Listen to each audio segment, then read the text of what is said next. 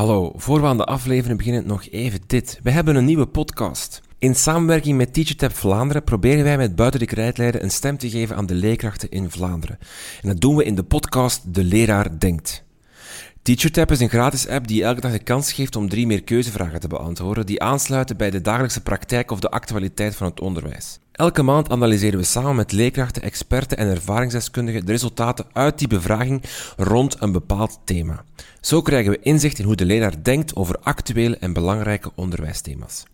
Ga dus snel naar je podcast-app en abonneer je op onze nieuwe podcast De Leraar Denkt.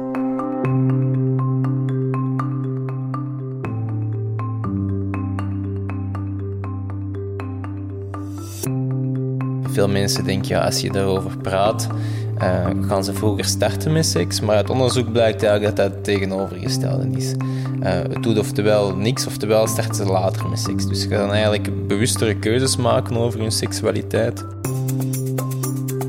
Hallo en welkom bij Buiten de Krijtlijnen. Mijn naam is Rinke van Hoek en dit is uw podcast over onderwijs.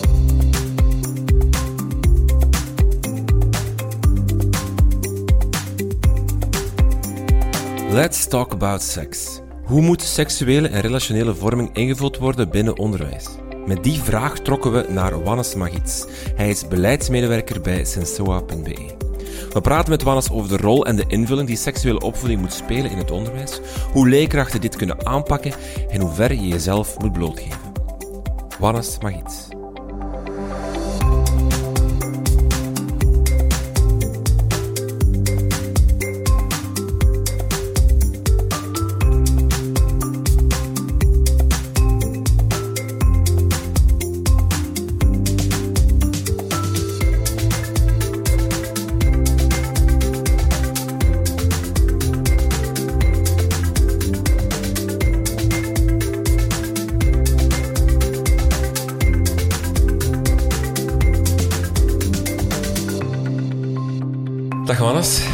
Hallo. We gaan het hebben over uh, seksuele en relationele vorming. Is dan het, uh, het, het, mooie woord, maar uh, seksuele opvoeding is zo in de volksmond waar ja, het dan over ja. gaat. Um, kan je even voor mij schetsen, algemeen nu in onderwijs, hoe mm -hmm. seksuele en relationele vorming eigenlijk vorm krijgt in, in het huidige onderwijs? Ja. Um, dus ja, leerkrachten moeten normaal gezien de eindtermen volgen. En er zijn wel een paar eindtermen in, uh, in het lager onderwijs die daar een beetje bij aansluiten, maar ik kan daar eigenlijk nog wel wat beter. Um, en in, in het secundair wordt er typisch wel wat meer rondgedaan, denk ik. In, op het einde van het lager onderwijs, dat de meeste leerlingen wel een les krijgen over de voortplanting, zal ik maar zeggen. Um, en dat er dan in het secundair onderwijs daarna wel iets meer aandacht uh, rond is. -hmm. Maar ik zeg dat het uh, nog, nog, nog, vaak een technische insteek krijgt uh, naar voortplanting, hoe het werkt, uh, ja, seks, dus... hoe het werkt, maar heel zo niet gevoelsmatig, maar eerder technisch, praktisch gezien. Zo. Ja, ja, dat is wel iets dat we vaak horen van, van jongeren, dat ze een beetje op hun honger blijven zitten en dat het heel snel gaat richting natuurwetenschappen, het biologische, het technische en ook heel uh, vaak vertrekt vanuit risico's, zal ik maar zeggen. Bijvoorbeeld, ja, gevaren. Ja, SOA's, uh, kans om ongepland zwanger te geraken, kans op seksueel misbruik. Terwijl de jongeren wel wat meer zitten te wachten op ja, de eerste keer. Hoe begin ik eraan? Of dat vliegen inverseren? Hoe, hoe, hoe, doe ik dat best? Ik wil dat wel eens horen van mijn medeleerlingen, hoe dat zij dat aanpakken of wat dat werkt dan volgens de, de rest van de klas. Dus ik denk dat ze daar wel op hun honger zitten te wachten. En ik denk, um, ja, zeker uh, LGBT jongeren, dat zij wel vaak zoiets hebben van het is nog wel wat cis en heteronormatief. Van, eh, dat dat misschien voor hen wat te weinig aan bod komt. Maar het is moeilijk om er echt een lijn in te trekken over, over heel het onderwijs. Het verschilt heel sterk van, van school tot school dat ze het aanpakken. Uh, op zich opmerk, mag ik dat opmerkelijk vinden dat dat op zich heel erg verschilt van school tot school en dat Terwijl, omdat ja, seksualiteit is op zich een, een, een kernprincipe van de mens, allee, van, van, van, van het menselijk bestaan, hè, dan, dan moet er voortplanting seks gebeuren. En toch blijkt dat daarmee omgaan, dat dat heel hard verschilt inderdaad van school tot school. Je hoort scholen waar dat men daar eh, van alle projecten rond doet en, en maar andere scholen waar men nog zeer preuts daarover is en zich e- enkel houdt tot natuurwetenschappen.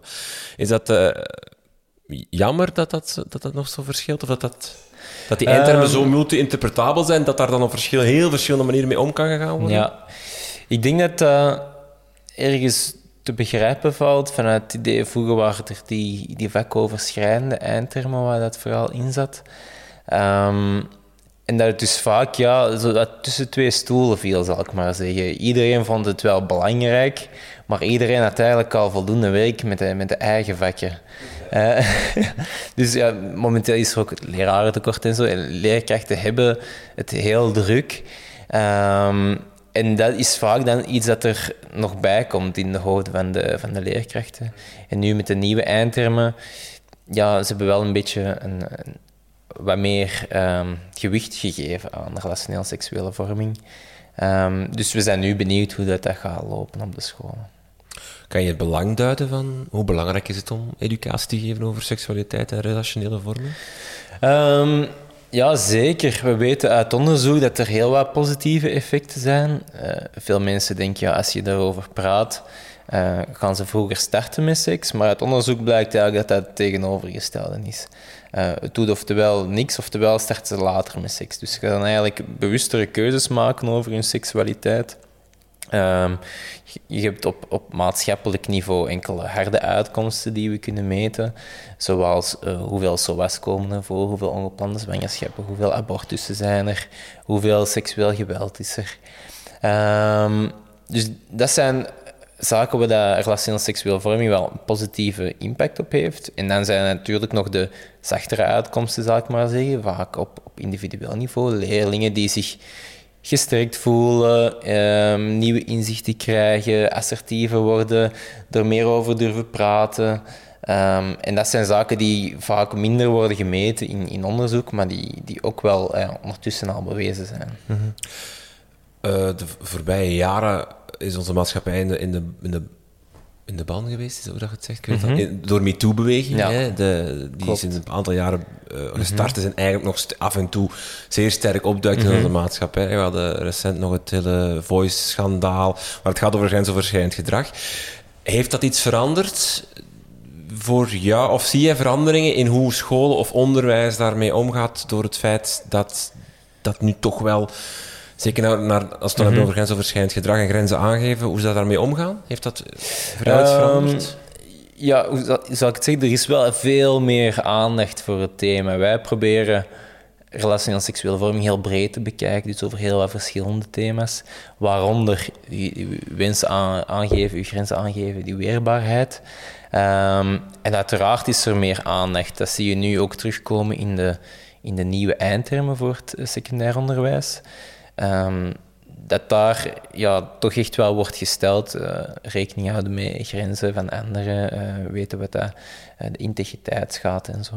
Dus dat is zeker iets. En ja, natuurlijk op politiek niveau um, is er nu een heel plan uitgewerkt om seksueel geweld tegen te gaan, waar daar verschillende ministers bij betrokken zijn, waaronder Ben Wijs. Dus in het onderwijs zal er denk ik ook wel wat meer aandacht komen um, rond dat thema. Maar het is iets dat niet enkel tot het onderwijs behoort, natuurlijk. Hmm.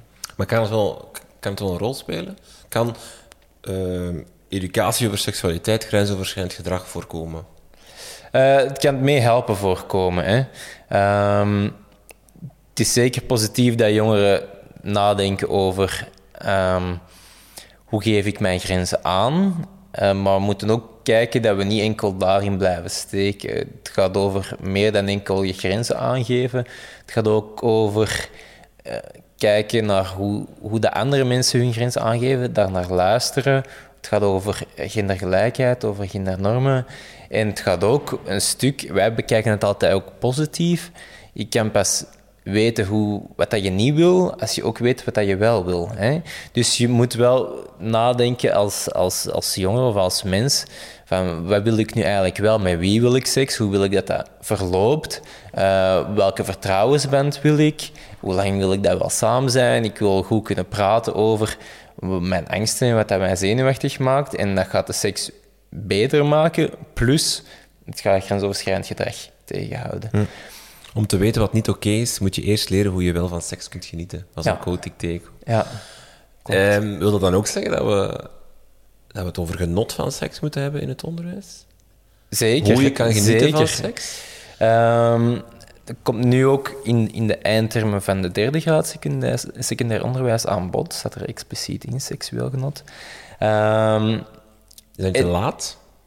Ja, ik denk dat ik, naar mijn persoonlijk gevoel wel, aangezien dat, dat we weten dat... zijn ze 17, 18. Nee, niet dat ze dan al seks per se gehad hebben, maar we zijn er wel over aan het nadenken Mhm. Ja. op dat moment. Ja, Of er zijn al veel meningen gevormd op dat moment, of al veel indrukken opgedaan. ja. We weten dat ongeveer 1 op 5 op hun 15 al seks heeft gehad. En tegen dat ze afstuderen van het middelbaar ongeveer de helft. En de helft nog niet ook, natuurlijk. Maar dus inderdaad, de jongeren zijn er wel al mee bezig. En ze weten ook wel dat de media, zelfs al hebben ze het nog niet gedaan, eh, dat dat wel leuk is. En ehm, er moet ook wel aandacht zijn voor hoe, hoe maak je dat leuk, wat maakt het dan leuk voor jou.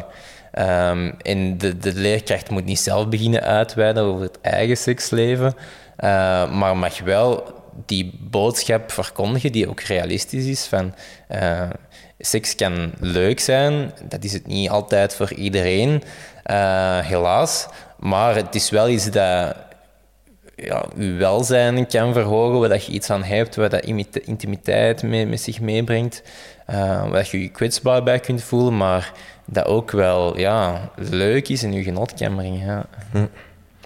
Wanneer moet seksuele opvoeding beginnen? We hadden het net over, Mhm. was het niet te vroeg? Eh, Wim Slabbing zegt zelf, een seksuoloog Wim Slabbing Mhm. zegt zo vroeg mogelijk, liefst al in het kleuteronderwijs. Ja. Ik denk dat daar veel mensen ja, zo'n beetje een shock van krijgen als ze zoiets lezen. Ehm, en ik denk dat daar, hoe zou ik het zeggen, een beetje een, ehm, een verschil in definities zit. Hè? Ehm, hoe dat wij kijken naar relationele seksuele vorming. eh, het moet altijd aangepast zijn op, aan de leeftijd van het kind. Hè? En bij, bij kleuters kan je praten over waar komen kindjes vandaan, wat voor soorten gezinnen zijn er, eh, wat is verliefd zijn, eh, wat is het internet. Ehm, eigenlijk heel veel basiszaken, gevoelens leren kennen, eh, nee zeggen, luisteren wanneer dat iemand nee zegt. En dat zijn eigenlijk een soort van basisvaardigheden waar dat mensen later op terugvallen. Ehm, wanneer ze echt aan seksualiteit beginnen. Maar dus in het buitenland wordt, het, wordt dat vaak anders benoemd, wordt dat vaak bijvoorbeeld eh, lichaams- en gevoelenslessen of zo genoemd, wat dat waarschijnlijk nog iets beter zegt waarover dat gaat. Of we noemen het soms weerbaarheidslessen of zo. Ehm, maar inderdaad, dus het is wel relationeel seksuele vorming in brede zin, maar het gaat niet over hoe moet je seks hebben of zo natuurlijk. Nee, nee. Ehm, Wim Slabbing zegt ook dat het dan net het moment is om bijvoorbeeld zo klassieke rollenpatronen als ehm, klassieke Mhm. gezinsvormen die we dan, eh, dan al op, al, al soort van stereotyp meegeven Mhm. aan, aan, aan kinderen, om dat dan te doorbreken. Ja. Is dat dan ook de kans die je dan kan grijpen, dat je, dat je het hebt over wat voor zo'n soorten gezinnen zijn, dat je dan zegt van ja, kijk, je, je kan een mama-papa gezin hebben, maar je kan ook Ja. eh, andere combinaties hebben. Ja, Ehm, zeker. We weten dat ja, tegen dat ze 8 à 10 jaar zijn, dat ze eigenlijk al vrij stereotype genderideeën hebben, kinderen. Ehm, het is ook een beetje de realiteit van kleuters, dat ze in nieuw samengestelde gezinnen wonen, dat sommige kinderen twee papa's of twee mama's hebben. Ehm, dus ik denk dat daar zeker al over kan gepraat worden. Ehm, ja, denk dat dat wel het moment is waarop dat die ideeën zich beginnen vormen. Nu, kleuters hebben natuurlijk ergens nog wel een beetje een, houvast nodig van wat is nu een man en wat is nu een vrouw. Ehm, maar je kan daar wel op een manier mee, mee omgaan die dat niet zegt van ja, mannen zijn, eh, zijn stoer en meisjes zijn, eh, zijn lief. Je kan er wel wat meer mee doen en genderbewust eh lesgeven. Ja, want eh, Wim Slabbing zegt ook van, ja, jongens moeten nog altijd sterk, eh, nog altijd sterk zijn. Ze worden ook tot, toe aangemoedigd om de cowboy te zijn, of de indiaan of andere stoere spelletjes te spelen. Onbewust geven ze de hele tijd het signaal dat ze de jager moeten zijn. Dan mag het natuurlijk niet verbazen dat zij later vaker seksueel geweld plegen dan vrouwen. Volg je die redenering? Ehm, het is natuurlijk wel wat kort door de bocht. Hè? Ehm, maar het klopt wel dat sommige, hoe zal ik het zeggen, typisch mannelijk toegeschreven eigenschappen wel te maken hebben met dominantie, met je gevoelens niet tonen, met, met plaats innemen. Uh, en dat bij meisjes het vaker gaat over uh, leren, leren samenwerken, uh, lief zijn, zorgend zijn voor elkaar. Um, en op zich is daar niks mis mee dat mensen bepaalde eigenschappen ontwikkelen. Het gaat er vooral over dat ze daar niet in doorslagen. Dus dat ze niet anderen beginnen overheersen of domineren of pesten. Um, en ik denk ook dat kinderen echt wel de vrije keuze moeten hebben om iets te zoeken dat bij, hen, bij hun persoonlijkheid past. En dat niet per se, ja, alle jongens moeten dit soort spelletje doen en alle meisjes moeten dit soort spelletje doen of met dit soort speelgoed spelen. Dat ze daar wel wat meer, meer keuze in krijgen. Mag ik stellen dat seksuele opvoeding of seksuele relationele vorming eigenlijk altijd te vroeg moet komen? Voordat... want we zeggen vaak van Oh, jongens zijn er nog niet mee bezig. We moeten het nu nog niet hebben over, over uh, seksuele, of seksualiteit, want ja, die jongens die zijn er nog niet mee bezig, die meisjes ook niet. Maar dat, als, je het te, als je te vroeg doet, dat je dan zo net vormt voor de momenten die gaan komen en dat we nu vaak te laat zijn, waardoor we achter de feiten aanholen? Ja, het is natuurlijk, ehm, stel je voor, jij wilt uh, je rijbewijs halen, dan is het belangrijk dat je eerst de verkeersregels kent voordat je in de auto stapt. Hè? Uh, en ik denk dat dat met, met alle gedrag zo is, waarvan je, dat je wilt dat veilig gebeurt. Je moet natuurlijk uitleggen wat dat een condoom is en hoe dat, dat werkt voordat ze seks hebben gehad. Anders kan het al te laat zijn natuurlijk. En het is niet zo dat, dat je jongeren extra gaat stimuleren om er vroeg mee te beginnen.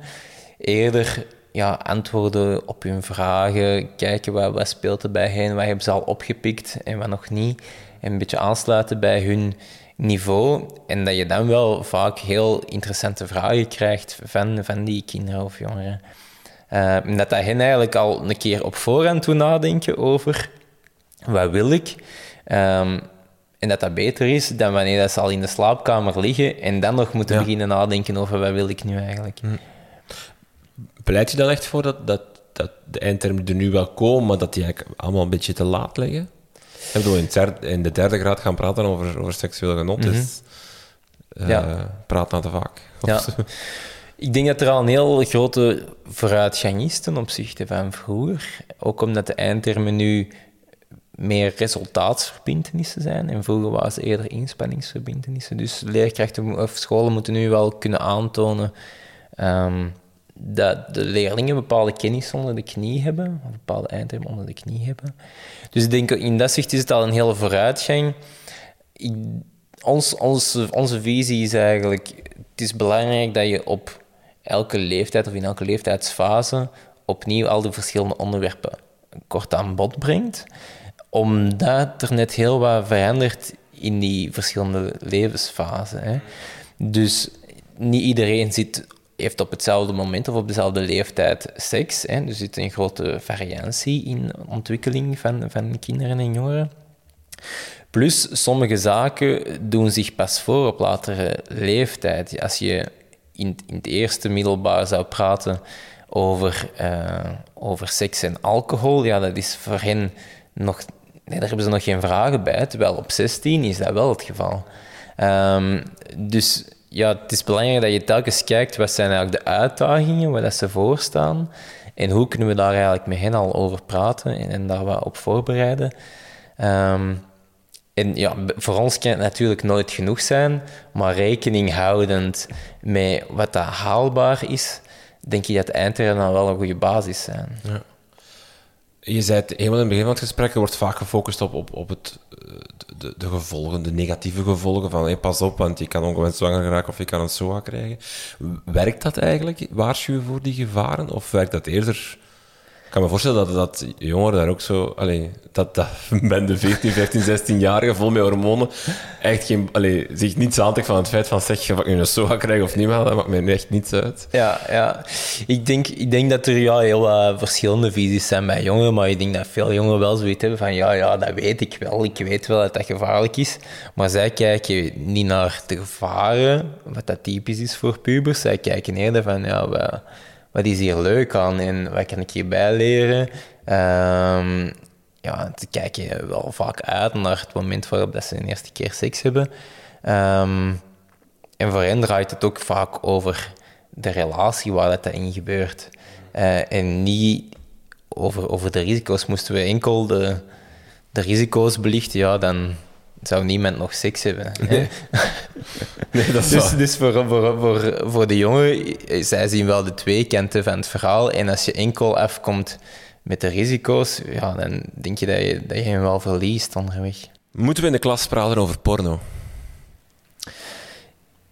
Ja, ja ik denk het wel.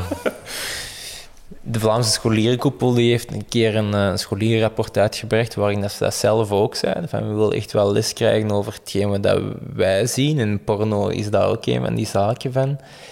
Um, natuurlijk, veel leerkrachten voelen zich er oncomfortabel van om er les over te geven, hoewel ze vaak zelf wel porno kijken. Maar dat is de moeilijkheid. Ja. Want ik zou... Hoe praat je over porno zonder dat het eigenlijk voor die leerling de hele tijd gaat over... Maar die leerkrachten kijken naar porno. Maar dat is echt mijn ding waar ik mee zit. Ja, ik denk dat je wel op voorhand kan zeggen van ik ga hier geen persoonlijke vragen over beantwoorden. En, en, ik wil wel dat, dat, jullie mijn grenzen ook daarin respecteren. En dat is ook een goed voorbeeld als je dat doet, uh, over hoe dat je grenzen aangeeft.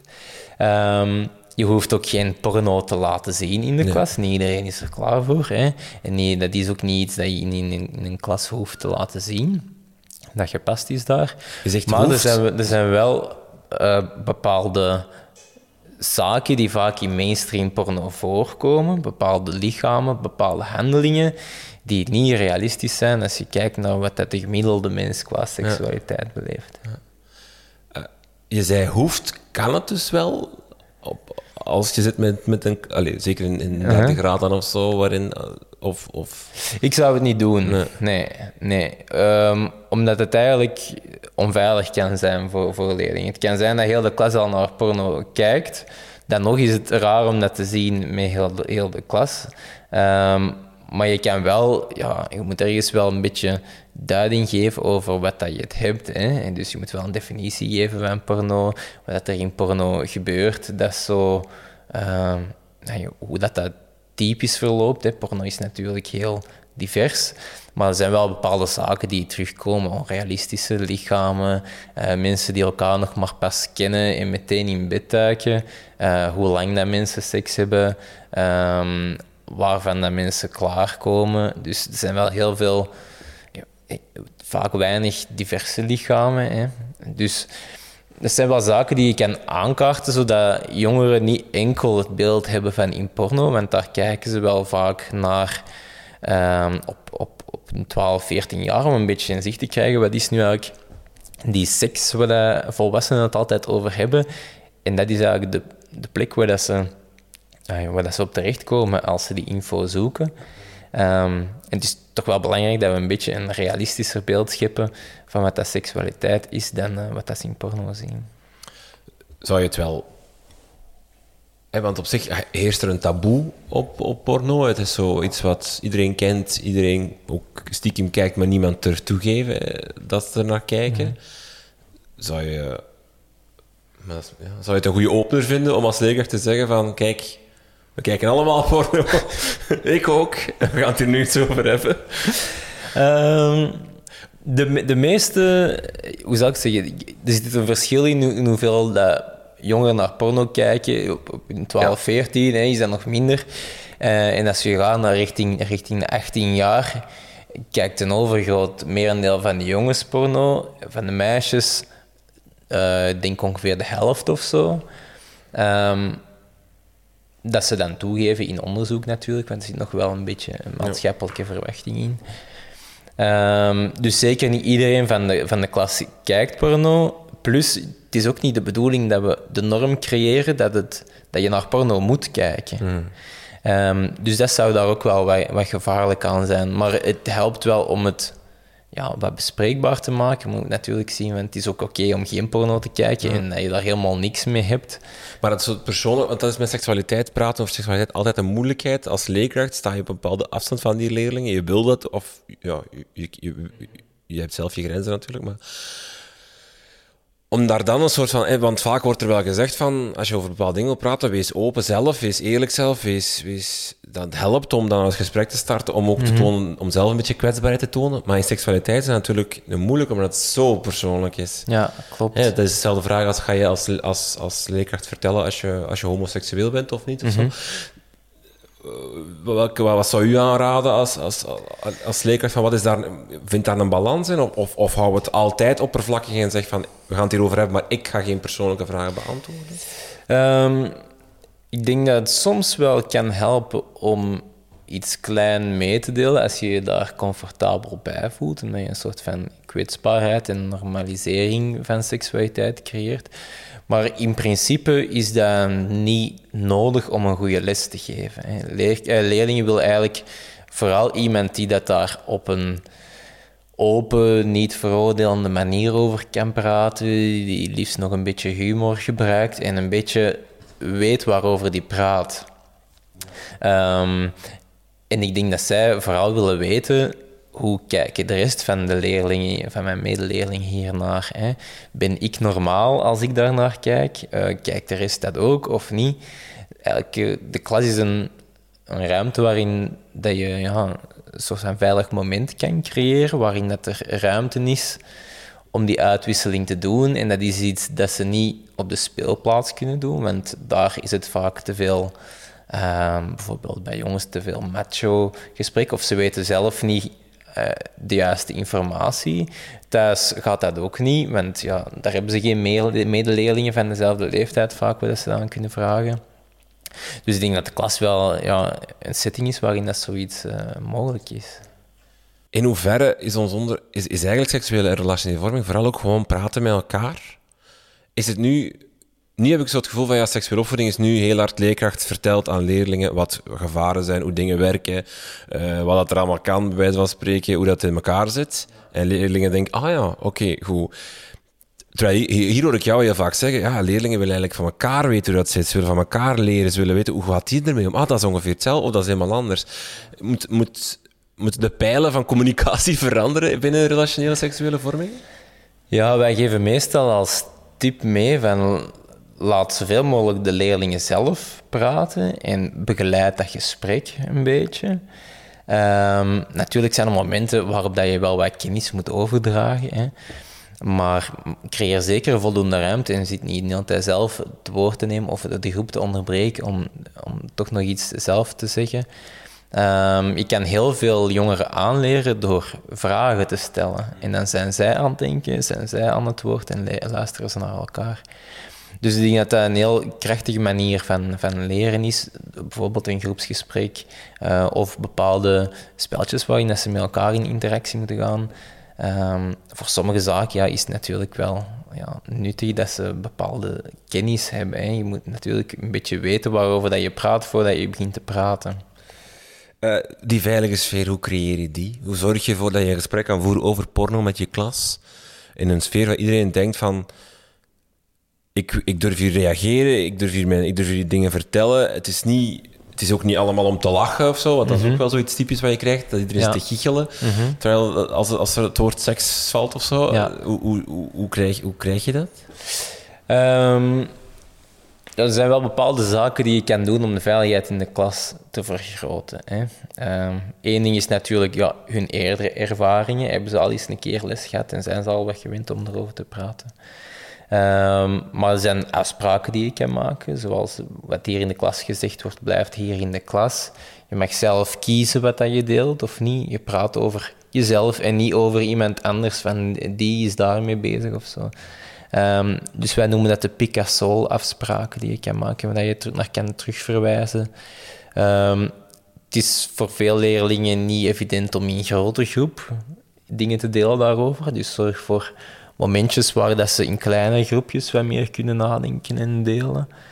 Ehm, veel leerkrachten proberen het eerder richting het eind van het jaar te doen, wanneer er al wat meer vertrouwen is tussen de leerlingen ook. Um, en een stuk is natuurlijk ook, ja, als je ziet dat er uh, gepest of uitgelachen wordt, daarop reageren meteen. Het is oké om te lachen. Hè. Lachen is een manier om je zenuwen wat te bedaren. Hè. Uh, en, en het is ook oké om dingen grappig te vinden, maar uitlachen, dat is wel een grens die je, die je moet bewaren, zodat het zeker veilig blijft voor iedereen. Ja. Dus dan kan je wel echt... Ja, allee, wat je niet zou doen als er iemand iets zegt waarvan je denkt, oeh, dat is hier niet juist, dan zou je kunnen direct aanvallen. Allee, ik zeg aanvallen, want dat is niet het juiste woord, maar zo corrigerend reageren, dan moet je dat niet doen. Maar wel als er, als er bijvoorbeeld als je voelt dat het gesprek hier niet serieus genomen wordt, of, bepaalde mensen, of die veiligheid komt in gedrang van bepaalde mensen, doordat er gelachen wordt op een foute manier, ja, ja. dan kan je wel... Ik denk dat je daar wel kan zeggen van... Um, wat dat je nu zegt, laat andere mensen misschien onveilig voelen. En dat is niet hetgeen dat we willen doen met deze les. We willen net goed naar elkaar luisteren en elkaar beter leren begrijpen. Um, dus ik denk dat je daar, dat daar zeker kan doen. Um, dat dat geen probleem is om dat daar wat meer, ja, hoe zal ik het zeggen, af te dwingen of die, die veiligheid te, te bewaren. Merk je dat, dat uh, dingen als porno, maar ook sexting bijvoorbeeld, eh, dat daar vaak nog in, in negatieve sfeer over gesproken wordt in school? Dat er zal nog Hey, op, op welke manier ook, vaak met klasgesprekken en wat dan ook, maar dat, zo de, dat gevoel dat de, innerlijk, of de onderliggende boodschap wel is, doe dat niet. Hè, want het is toch gevaarlijk. Ja, ja. En met sexting is dat vaak zo'n ding. Mm -hmm. wordt, wordt vaak negatief mee omgegaan. Van, dan komt de politieagent vertellen wat de gevaren zijn van sociale media en sexting. Of dan worden er voorbeelden getoond van het meisje uit... Uh, of alleen niet getoond, maar verteld van een meisje uit, uit dat, dat één foto stuurde. Hè, um, of... of is dat, nou, is dat, terwijl het op zich ook gewoon een vorm van seksualiteit is, ergens. Mm -hmm. Ja, ik denk dat dat een beetje voorkomt uit de, de drang om, om jongeren te beschermen en, en, en, en ja, ervoor te zorgen dat ze niet voor heel de wereld in hun blootje staan, bij wijze van spreken. Wat dat heel begrijpelijk is. Heel veel jongeren weten ook wel dat er risico's aan verbonden zijn. Hè. Ze gebruiken vaak Snapchat, niet omdat dat een veilige app is, maar omdat het de veiligste app is die ze kennen. Um, en we weten ook uit onderzoek dat het merendeel van de jongeren ervoor probeert te zorgen dat ze onherkenbaar op de foto's staan. Dus we weten wel dat ze er al wat bewuster mee omgaan. Dus het werkt wel op zich, die, die soort van waarschuwende um, educatie wel, daar rond. Dus ik denk dat zij, een stuk van de jongen zal zich daarin herkennen, een stuk van de jongen zal ook zeggen, um, wat is dit is, is helemaal niet relevant voor mij. Um, net omdat heel veel sexting gebeurt in een, in een vertrouwensrelatie. En jongeren denken, ah, dat, dat gaat niet gebeuren met mij, want mijn lief en wij vertrouwen elkaar en wij zouden dat nooit met elkaar doen uh, of elkaar dat aandoen. Dus ik denk, sexting is ook een beetje ja, een, een risico-inschatting dat, dat jongeren maken. En ze, ze hebben zoiets van, ja, al die risico's, ik weet dat wel, maar voor mij is het nu belangrijker en dat ik een goede band heb met mijn lief en ik ben benieuwd hoe gaat hij reageren. Ze vinden dat zelf ook wel opwindend of spannend. En ja, je kan wel zaken meegeven, een paar praktische tips, zoals ja, laat je hoofd af de foto en zo. Um, maar echt zeggen van ja, het, het is gevaarlijk, doe het niet. Het risico dat je daarmee loopt, is dat jongeren geen hulp gaan durven zoeken als het misloopt. Dat ze denken, ah, ik ga terug het deksel op de neus krijgen en de boodschap krijgen, zie je nu wel, ja. je maar niet zo dom moeten zijn. En dan gaan leerlingen zich net zichzelf nog de schuld beginnen geven, meer beginnen afzonderen. Um, wat dat ja, toch nog gevaarlijkere risico's leidt eigenlijk, dat ze zichzelf gaan kwetsen of zo. Wat voor, moet je dan een soort van genuanceerd beeld brengen van zowel porno als seks, van, van het is niet goed, het is, het is niet goed. Het is niet slecht, want het kan leuk zijn. Mm -hmm. Maar het is ook niet, niet alles. Ik bedoel, in porno is er heel veel nuance aan te brengen, maar in sexting is er ook heel veel nuance aan te brengen naar gevaren toe. Dan ja. is het soort van... dat je als leerkracht wel moet, moet durven, dat je ook de positieve kanten moet durven benoemen van kijk, ja, uh, allee, dat, dat is er ook aan. Ja, zeker, zeker. En ook niet enkel kijken naar het, het slachtoffer, hoe kan die zich beschermen tegen grensoverschrijdend gedrag van anderen, maar ook een, de boodschap meegeven, draag zorg voor elkaar. Het is niet oké om foto's door te sturen zonder toestemming van iemand.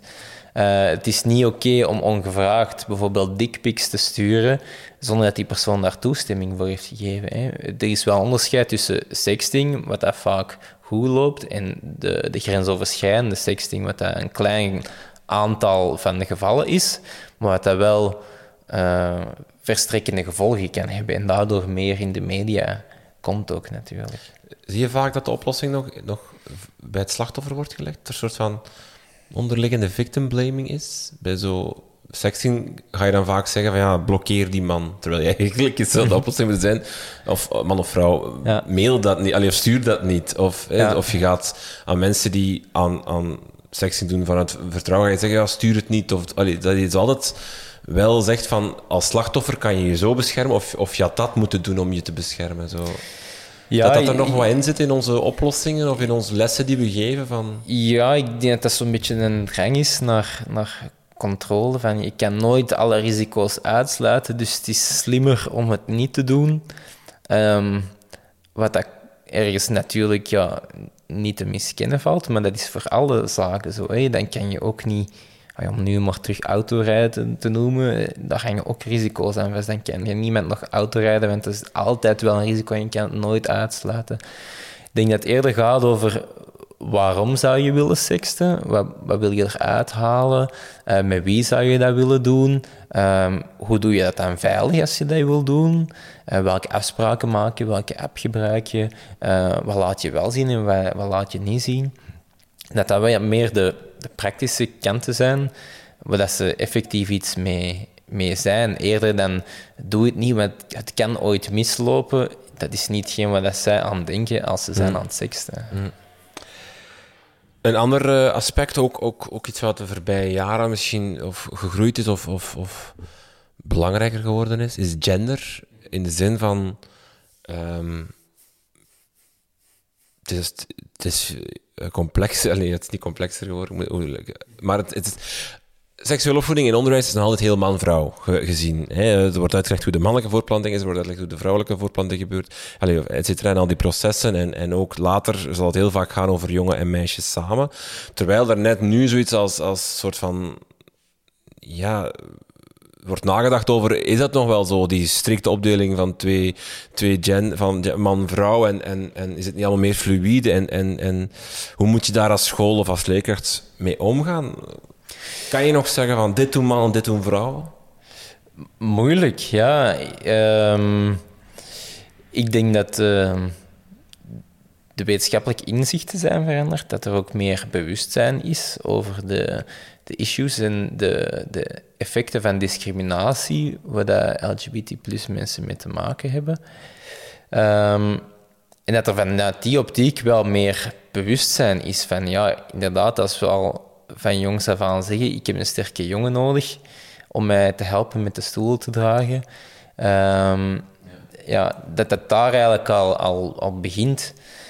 Um, en er is nu, nu wel veel meer aandacht voor ja, al de verschillende genderidentiteiten. Um, we proberen ook altijd wel een beetje te duiden wat dat die begrippen zijn. Je hebt de seksuele oriëntatie, je hebt hoe dat je je uitdrukt, je genderexpressie, je hebt hoe dat je je voelt, je genderidentiteit. Um, en dat we dat wel een beetje uit elkaar trekken. En zelfs zaken waar we, dat we vroeger van dachten, ja, je hebt een man en een vrouw, biologisch gezien, weten we nu dat je geslacht van verschillende zaken afhangt. Van jouw, uh, jouw genen, jouw hormonen, welke geslachtsdelen dat je hebt. Um, en dat er heel wat ja, intersexe gevallen zijn zonder dat we dat weten. En hetzelfde geldt eigenlijk ook voor ja, wat we vroeger als mannelijk en als vrouwelijk bestempelden. Dat het nu meer is. Het is een continuum in de plaats van een binair ding waar dat je op bevindt. Ja moeten we gaan naar een soort van non-binair relationeel seksuele opvoeding. Allee, niet helemaal, want dat kan natuurlijk niet helemaal. Je zal ergens... Ja, maar, ik- maar wel dat je zo... Hè, als het dan gaat over rela- relatie, mis- misschien is dat nog... be- Bijvoorbeeld, hè, vro- vroeger zou je het hebben van... Ja, de, de man moet de vrouw benaderen, of de man moet op de knie voor de vrouw. Dat soort dingen, dat je daar gewoon...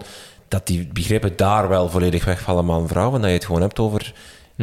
één iemand uit relatie ja, zal waarschijnlijk de eerste stap gezet hebben en de andere zal ja of nee gezegd hebben. Ja. Of dat je, dat je... Klopt. Ik, ik denk voor zaken zoals voortplanting uit te leggen, is het natuurlijk wel nuttig om te begrijpen wat een, een zogezegd typisch mannenlichaam en een typisch vrouwenlichaam is. Maar Maar dan word je typisch, moet dat erbij komen? Dat je zo zegt van... Hey, dat je de nuance maakt van... Zo zou... Allee, ja, ja, wel, dat, dat, je, dat, je, dat je zegt van... Ja, kijk, dat is op zich prototype... Alleen niet prototype, Ja. want dat klinkt zo'n ideaalbeeld bij, maar dat je zegt van... Ja, dat is eigenlijk hoe dat we een man zou definiëren. Maar daar is heel veel variatie op. i- ja, ja, Vroeger zouden we gewoon zeggen, man, vrouw zien er zo uit. hè. Mannen zien er zo uit, vrouwen zien er zo uit. Maar nu weten we wat je net zei, van ja, Ja. het is eigenlijk niet zo zwart-wit. Mhm. Ik, ik denk dat het goed is dat ze weten wat dat een beetje het typische beeld is, zal ik zo maar zeggen. Maar dat er ook heel wat uitzonderingen op zijn. En ik denk dat dat een kleine nuance is die dat in de hoofd van jongeren wel wat kan, eh, kan laten ontwikkelen. Van het is niet allemaal zo zwart-wit of zo binair. Ehm, en dat het wel meer de boodschap geeft aan mensen die zich misschien niet in die binaire opsplitsing eh, thuis voelen. Van het is ook oké dat jij er bent. Ehm, en er zijn ook manieren waarop dat mensen kinderen kunnen krijgen zonder zich seksueel voor te planten. Hè. Ehm, en dat geldt ook voor heteroseksuele koppels die misschien eh, minder vruchtbaar zijn. Ehm, dus ik denk dat we misschien in het verleden heel veel zaken wel hebben gegenderd, terwijl het dat misschien niet per se hoeft. Zoals bijvoorbeeld het, het flirten en, en versieren. En dat is er een goed voorbeeld van, van die, die dubbele seksuele moraal. Jongens moeten de meisjes veroveren en meisjes moeten zo wat, eh, tonen dat ze interesse hebben, maar ook niet te hard tonen dat ze interesse hebben. Ehm, ja, ik denk dat we daar wel ondertussen van aan het, van aan het afstappen zijn. Ja. Eh, wat ik veel las in, de vo- in mijn voorbereiding, is dat er eigenlijk wel op zich een, een noodzaak gevoeld wordt door heel veel scholen, door heel veel leerkrachten, door heel de maatschappij, ook door wat er allemaal gebeurt de voorbije maanden en jaren, naar, naar een betere en, en, en meer seksueel, seksueel, seksuele of relationele vorming. Maar dat er gewoon, dat school of leerkrachten heel vaak niet weten hoe. En dat er bijvoorbeeld ook heel vaak dan eh, beroep wordt gedaan op, op externe organisaties, zoals eh, Pimento bijvoorbeeld. Ja, Eh, is, dat, is dat goed op zich? Dat, er, dat, dat daar dan, of, of is het jammer dat op zich in scholen daar niet genoeg know-how zit om dat dan zelf aan te pakken? De, de scholen moeten sowieso hun doelen bereiken. En als de leerkrachten zich daar niet eh, comfortabel bij voelen, of ze hebben daar geen tijd voor, dan is het de verantwoordelijkheid van de school om een externe organisatie in te schakelen om, om die kennis over te dragen.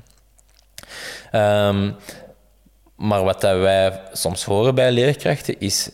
ehm, we hebben er in onze leraaropleiding eigenlijk nooit echt iets over gezien. Over hoe gaat er nu zo een gesprek aan over de waarden en normen rond seksualiteit. Iets zo gevoelig, waar dat toch wel heel wat verschillende beelden over kunnen bestaan in één klasgroep. En waar de, de gemoederen soms wel kunnen oh ja, ophitten. Ehm, en dat ze te weinig handvaten hebben gekregen van hoe geef ik nu op een niet veroordelende manier lessen daarover. Ehm, en veel leerkrachten voelen dat wel een beetje een, tekort of jammer dat ze daar zo weinig rond hebben gezien, de leraaropleiding. Eh, en komen dan ook bijvoorbeeld bij Sensoa en vorming volgen over hoe, kan je dat nu beter aanpakken. Ja. Maar ze hebben heel wat basis, basisvaardigheden natuurlijk al onder de knie, leerkrachten. Ehm, maar ik denk dat het een beetje soms inwerken is in, in een thema of een, een, een leuke werkvorm tegenkomen, waardoor dat je geïnspireerd raakt. Ehm, ja. Maar is het ergens jammer dat dat soms toch zo wordt... Want zo'n buitenorga- zo'n externe organisatie die komt dan een halve dag langs, die klas krijgt dan een halve dag zo'n workshop en daarna zijn die weg. Dat is dan zo vluchtig, denk ik, toch ook voor die leerling. Dat is zo een, leuke namiddag even wat, wat, wat giechelen over, over seksbabbel. Ay, sommigen zullen daar ook veel uithalen, want dat zijn op zich, zonder veroordeeld naar die organisaties, maar het, dan is het zo... eh, Het wordt zo soort van bij elkaar geveegd op één namiddag en dan zo, oké, en nu hebben we dat gedaan. Check van de lijst en we praten er nooit meer over. In dat jaar dan. Is, is dat niet een gevaar dan, dat, dat, dat, dat het gewoon zo opgelost wordt? Ja, ik denk dat van die vormingsbegeleiders, ehm, zoals bijvoorbeeld die van Pimento, wel heel wat vaardigheden hebben en heel gewend zijn om van die groepen te begeleiden rond die thema's. Dus dat dat echt wel eh, professionals zijn rond die thema's. En voor hen is het ook de... Zij zijn een beetje de perfect stranger. Hè? Eh, die, die persoon is achteraf terug weg. En het is gebeurd en je, hoeft die leerkracht dan zogezegd, of die vormingsbegeleider, achteraf niet meer te zien. En je kan al jouw vragen ineens stellen. Is dat een voordeel? Dat dat... Wel, Veel leerlingen vinden dat wel handig, ja, dat dat iemand is dat ze niet kennen. En die personen zijn ook heel goed in die veilige sfeer net te creëren. Het is natuurlijk wel een aandachtspunt, zoals dat je zegt. één, dat jongeren achteraf nog met hun vragen terecht kunnen en dat er een veilige plek is waar ze met hun vragen terecht kunnen. En twee, ja, als je alles op één dag propt, ehm, dan lijkt alsof dat het dan bespreekbaar is en achteraf niet meer. Of bijvoorbeeld, je hebt een projectdag en iemand is ziek, dan heeft hij ja, de dag gemist en dan Ja. moet hij maar voor de komende jaren opnieuw op, op de king kloppen. Ja. Ja, dus we proberen dat wel liefst zo- zoveel mogelijk doorheen het jaar in kleinere stukjes. Je gaat ook niet al je lessen wiskunde of Nederlands eh, op, op één week of één dag proberen proppen. Ja. Er is ook, laat ik nog wel wat misinformatie ook binnen onderwijs. Handboeken die verouderd zijn, waarin, waarin de clitoris nog wordt voorgesteld als een knopje, of HIV nog als een dodelijke ziekte. Ehm, vaak, of, of dan laat ik ook dat leerkrachten vaak ook gewoon niet kunnen antwoorden op vragen van leerlingen, omdat ze gewoon niet genoeg kennis hebben. Is dat, is, dat een groot probleem nog, dat, dat misinformatie, of, of een gebrek aan informatie, of foutinformatie dan? Het, is, het is nooit een probleem om toe te geven dat je iets niet weet. Ehm, dat wil ik zeker gezegd hebben. Niemand is... eh, er wordt nooit van een leerkracht verwacht om echt een expert te zijn over seksualiteit. Je, je kan je maar op, op een bepaald niveau inwerken in iets. Hè. En leerlingen verwachten dat ook niet. Je kan gewoon zeggen van ja, we zullen het samen eens opzoeken. Dan leren ze vaardigheden over hoe dat ze zelf info kunnen zoeken. Of je koppelt het achteraf een keer terug. Ehm, en je zoekt het in de tussentijd een keer op. Ehm, maar ja, elke vraag heeft wel recht op een antwoord natuurlijk. Ik kan niet beloven, ja, ik zal het een keer opzoeken en er niet op terugkomen. Want dan lijkt het opnieuw een taboe waar je niet over wil praten. Uh, maar het is dus zeker geen probleem om toe te geven dat je, dat je iets niet weet.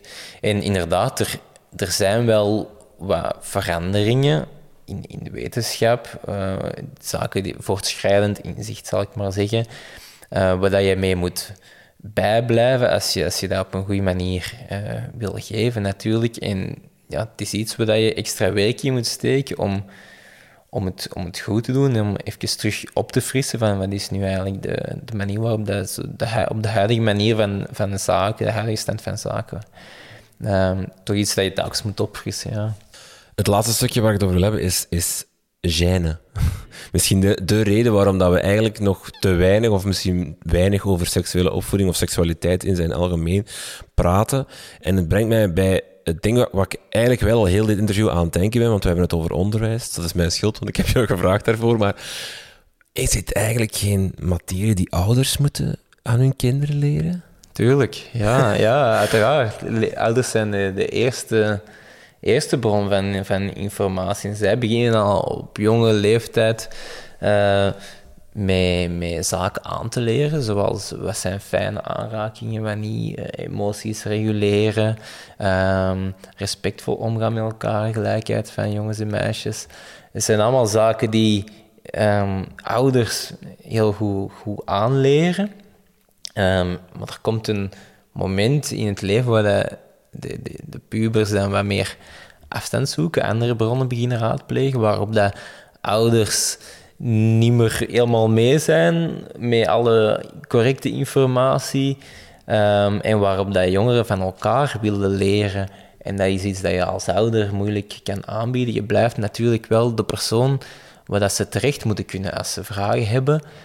Ehm, en je moet ook wel een beetje jouw waarden en normen proberen meegeven. Van, heb respect voor elkaar. Uh, ja, speel niet met andere mensen hun gevoelens of aan die zaken. Ja. Hm. Dus op zich vind je niet dat het alleen... Dat, dat, dat, dat we meer zouden mogen verwachten van ouders op dat gebied? Omdat die pubers zich op een gegeven moment afzetten tegen die ouders op dat vlak? Nee, ja, dat hoort, dat hoort bij, de, bij, de, bij de seksuele ontwikkeling. Dat ze zich gewoon wat meer Um, hoe zou ik het zeggen? Ze willen meer zelf doen, zelf verantwoordelijkheid opnemen, zelf ontdekken, zelf experimenteren, zelf risico's lopen. En op een bepaald moment, ja, je begint eigenlijk met heel veel bescherming begeleiding te bieden. En op een bepaald moment ga je iets meer de touwtjes loslaten en hem wat zelf meer laten doen. En het is belangrijk dat als het misloopt, dat zij nog wel terug bij jou terecht kunnen. En je kan hen wel heel wat meegeven van tips van doe dat niet, doe dat niet. Ik heb vroeger die fout gemaakt, dus doe dat niet. En zij gaan nog altijd zelf kiezen wat ze daarmee doen met die goede raad. Ja. Maar ik las ook wel dat veel ouders er ook wel een soort van gêne over hebben mhm. of niet durven om met hun kind erover te praten. Ja, klopt. En ik denk zeker voor, voor die gezien dat het extra belangrijk is dat het in het onderwijs wel aan bod komt. Hè? Want we kunnen niet van iedereen verwachten dat er in het gezin over wordt gepraat. En ik denk dat het onderwijs wel een belangrijke rol heeft om signalen op te pikken van zaken die misschien minder goed lopen. En zeker een soort van basiseducatie daarover mee te geven. Hè? Ehm, sommige, sommige jongeren praten daar moeilijk of niet over met, met hun ouders dan is het net extra belangrijk voor hen dat ze daar in de klas een veilige ruimte voor krijgen en een keer zien van, oh, het is voor sommige mensen wel oké of gemakkelijker om daarover te praten dan dat, dat ik het uh, heb aangeleerd gekregen van thuis uit. Mhm. Waar komt die, die gêne vandaan? Kan jij dat... Hoe komt het dat we daar toch nog zo moeilijk over praten? Ja, dingen, het is sowieso historisch gegroeid. Hè, met ideeën van, van kuisheid en maag blijft het huwelijk. En het is iets onrein, hè, seksualiteit. Um, Zit het in die kwetsbaarheid die, die, het, die het met zich meebrengt? Ja, denk zeker ook. Zeker ook. En ook geen, zelf geen voorbeeld hebben gehad over hoe dat je er op een normale manier over kan praten. Ik denk dat we nog heel vaak het idee hebben van als ik erover begin, um, kan ik hen schaden, omdat ze er nog niet klaar voor zijn, of ik ga iets op gang brengen. Ja, dat, dat, dat, dat, ja. ook, dat ik ook heel vaak in de kritieken, of de kritiek die vaak gegeven wordt op seksuele opvoeding, is van ja, je gaat ze, je gaat ze stimuleren, je gaat daar een motor aan wakkeren en ze gaan er al mee beginnen. Ja, je moet de kat niet bij de melk zetten. ja. Maar het is niet omdat je les geeft over iets, dat ze meteen dat gedrag beginnen stellen. Hè. Um, laat hen net op voorhand nadenken over wat zijn risico's, in de plaats van dat ze het gewoon zelf allemaal zouden ontdekken en af en toe de bal misslaan. Hè. Dus ze gaan eerder bewust nadenken over met wie wil ik seks en wat verwacht ik daarvan. En we zien eigenlijk dat zelfs de leeftijd van de eerste keer uh, naar achter schuift. Uh, dus dat jongeren iets later aan seks beginnen dan de voorbije jaren. Um, dus ja, zolang dat je een beetje aansluit bij het ontwikkelingsniveau van, van de kinderen of de jongeren, uh, doe je eigenlijk niks mis. Oké, okay. Wannes, heel veel dank voor het gesprek. Ja, graag gedaan, het was heel leuk.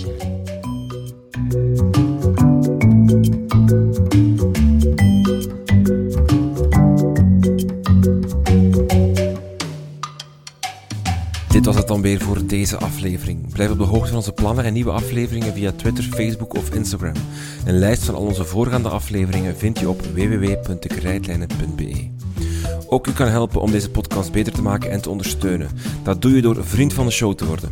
Via onze website kan je vriend van de show worden en een donatie doen. Dat kan een eenmalig donatie zijn of ook op maandelijkse basis. Dan doneer je 2,5 euro per maand. Surf dus naar www.dekrijtlijnen.be en haal even die bankkaart boven en steun ons. Je krijgt dan ook toegang tot exclusief bonusmateriaal. Dank voor het luisteren en tot de volgende